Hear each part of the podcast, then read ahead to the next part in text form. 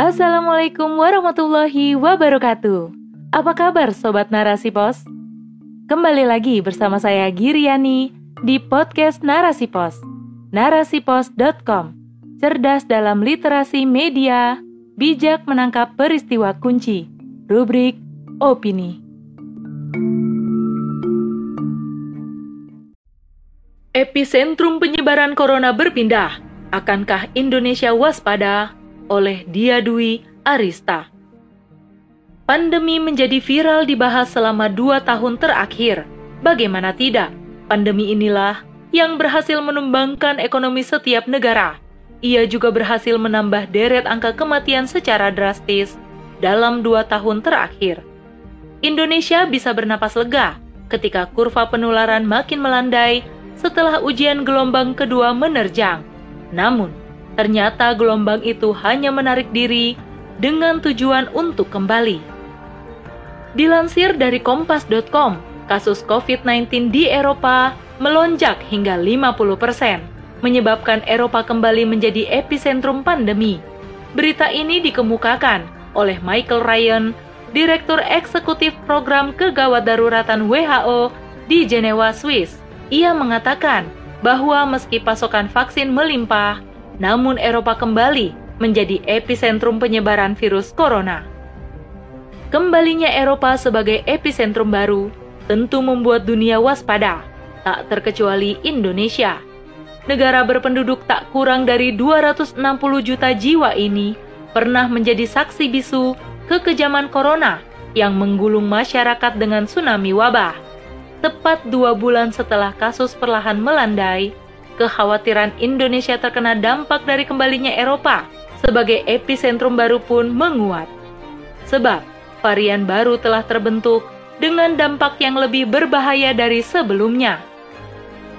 Gelombang baru ini bisa menjadi lebih buruk dari sebelumnya, sebab varian Delta yang disebut sebagai varian mutasi kini lebih ganas lagi dengan mutasian baru bernama Delta Plus AY.4.2. Varian baru ini pun sukses memorak-porandakan Inggris hingga negeri Ratu Elizabeth tersebut menjadi negara yang tidak aman dikunjungi saat ini. Sebab AY.4.2 dituduh sebagai biang naiknya kasus penularan dan kematian di Inggris. Varian Delta Plus AY.4.2 dengan cepat menyebar dari satu negara ke negara lain. Bahkan, varian ini ternyata sudah sampai di negara tetangga Malaysia. Hingga pemerintah Indonesia pun mengklaim waspada. Malaysia telah mengonfirmasi terdapat dua temuan Delta Plus di negaranya. Varian tersebut masuk terbawa oleh dua pelajar sekembalinya dari Inggris pada 2 Oktober 2021. Benarkah Indonesia waspada? Johnny G. Plate, Menteri Komunikasi dan Informatika, menyampaikan bahwa meski COVID-19 di Indonesia tertangani dengan baik, namun rakyat tidak boleh lengah, sebab ancaman penularan corona masih ada. Ia juga mengimbau masyarakat untuk tetap melaksanakan protokol kesehatan, yakni dengan memakai masker, cuci tangan, dan jaga jarak. Lantas, apakah cukup masyarakat patuh terhadap protokol saja? Bagaimana kebijakan pemerintah dalam mencegah masuknya varian baru tersebut? Jauh panggang dari api, mungkin kalimat tersebut patut diucapkan tatkala pemerintah dengan tegas menyuruh rakyat taat peraturan, namun di sisi lain, pemerintah tetap membuka gerbang perjalanan internasional. Jamak diketahui bahwa varian baru adalah virus mutasi yang berasal dari Inggris. Virus tersebut tak akan bisa berenang, melewati samudera, ataupun terbang terbawa angin hingga ke Indonesia jika tidak ada perantara yang membawanya. Ya, perantara tersebut adalah manusia. Namun belum lama ini, pemerintah telah menyelenggarakan event internasional IAWP atau International Association of Women Police yang digelar pada 6 November 2021 hingga 11 November 2021 di Labuan Bajo, Nusa Tenggara Timur. Sedangkan event bertaraf internasional lainnya yang akan diselenggarakan dalam masa dekat ini adalah ASEAN Talent Cup pada 13 hingga 14 November dan World Superbike Championship pada 19 hingga 21 November yang bertempat di sirkuit Mandalika, Nusa Tenggara Barat. Tentu, event internasional pesertanya pun datang dari penjuru benua, maka peluang memasukkan varian baru pun akan terbuka lebar. Nauzubillah min zalik. Miris, apalagi jika dikaitkan dengan ambisi pemerintah untuk menanjakan perekonomian dengan membuka pintu wisata tanah air bagi pelancong asing, seperti yang telah terjadi di Bali dan Bromo. Meski tidak semua negara dapat masuk Indonesia, namun hal tersebut tetap membahayakan. Bahkan, anggota Komisi 9 DPR RI fraksi PKS, Neti Prasetyani, berpendapat bahwa pembukaan wisata mancanegara masih terlalu dini dan mengkhawatirkan, mengingat Indonesia baru saja mencapai kurva landai setelah gelombang kedua COVID-19 mengamuk di Nusantara pada Juli hingga Agustus lalu. Bukankah Indonesia telah mengambil resiko berbahaya dengan pembukaan pintu penerbangan internasional meski dalih karantina dan protokol diketatkan? Publik pun tak akan lupa dengan kasus mafia karantina yang belum lama ini menjadi perbincangan hangat di masyarakat. Kontradiksi yang terus berulang dalam kebijakan. Penyelamatan nyawa rakyat harusnya menjadi agenda nomor satu ketika wabah menyerang. Meski ekonomi juga menjadi faktor vital, namun nyawa manusia tetap diprioritaskan. Hari ini dunia menjadi saksi jutaan nyawa telah gugur dengan perantara wabah. Meski kematian merupakan kode Allah yang sudah ditetapkan, akan tetapi usaha manusia dalam menghilangkan wabah agar bahaya tidak berkepanjangan juga harus dilakukan. Penanggulangan wabah tentu butuh ketegasan dari negara, sebab negaralah pihak yang mampu mengoordinasi seluruh elemen penanggulangan wabah agar dapat berjalan dengan lancar seperti pelaksanaan 3T, testing, tracking, dan treatment. Pemerintah yang mempunyai peluang terbesar dalam pengadaan tes secara masif, kemudian tracking kepada orang yang telah berinteraksi dengan orang yang telah terjangkit.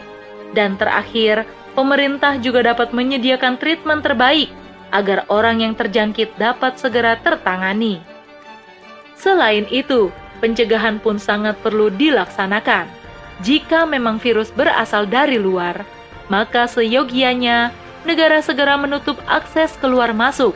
Andai keadaan darurat terdapat warga yang harus masuk, maka karantina dilaksanakan sesuai dengan protokol kesehatan, bukan selalu disunat hingga tidak memenuhi standar.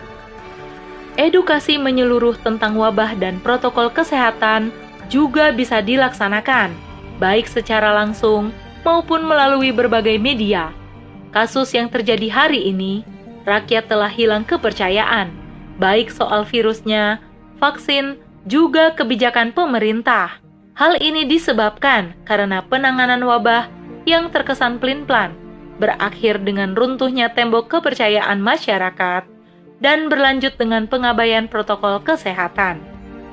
Wabah terjadi tak hanya pada zaman ini, namun wabah menjangkit hampir di setiap sejarah kehidupan manusia. Begitu pula ketika manusia mulia Muhammad Sallallahu Alaihi Wasallam masih bernyawa. Wabah taun menyerang hingga keluarlah sabdanya yang diriwayatkan oleh Bukhari Muslim. Jikalau kalian mendengar ada wabah taun di suatu negeri, janganlah kalian memasuki negeri tersebut. Namun, jika wabah tersebut menyebar di negeri kalian, janganlah kalian keluar darinya. Nabi Shallallahu Alaihi Wasallam mampu menggambarkan dengan gamblang jika terdapat wabah, maka solusi terbaik adalah karantina wilayah yang terdampak. Sebab wabah tersebut menular, maka karantina menjadi solusi agar wabah tak menjangkiti penduduk di wilayah lain.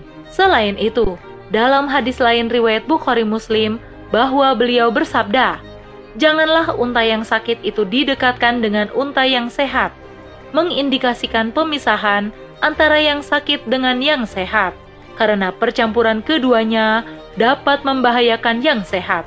Terakhir, Nabi juga bersabda, tidak ada penyakit yang Allah Subhanahu wa taala ciptakan kecuali Allah telah menciptakan obatnya. Hadis riwayat Bukhari. Jelaslah bahwa ikhtiar manusia dalam mencari pengobatan akan dinilai pahala, meyakini dengan kukuh bahwa Allah sematalah yang akan menyembuhkan segala wabah. Dalil ini juga hendak memotivasi manusia untuk tidak berpayah dalam mencari metode pengobatan terbaik. Tentu, semua bisa terlaksana jika negara menyediakan alat dan prasarana dalam prosesnya. Demikian Islam mengajarkan manusia beberapa langkah pengendalian wabah. Inilah Islam yang mampu menjawab semua permasalahan pelik dalam kehidupan manusia. Maka, tidakkah kita serius berjuang demi terterapkannya dalam sebuah negara, negara khilafah? Wallahu a'lam bishawab.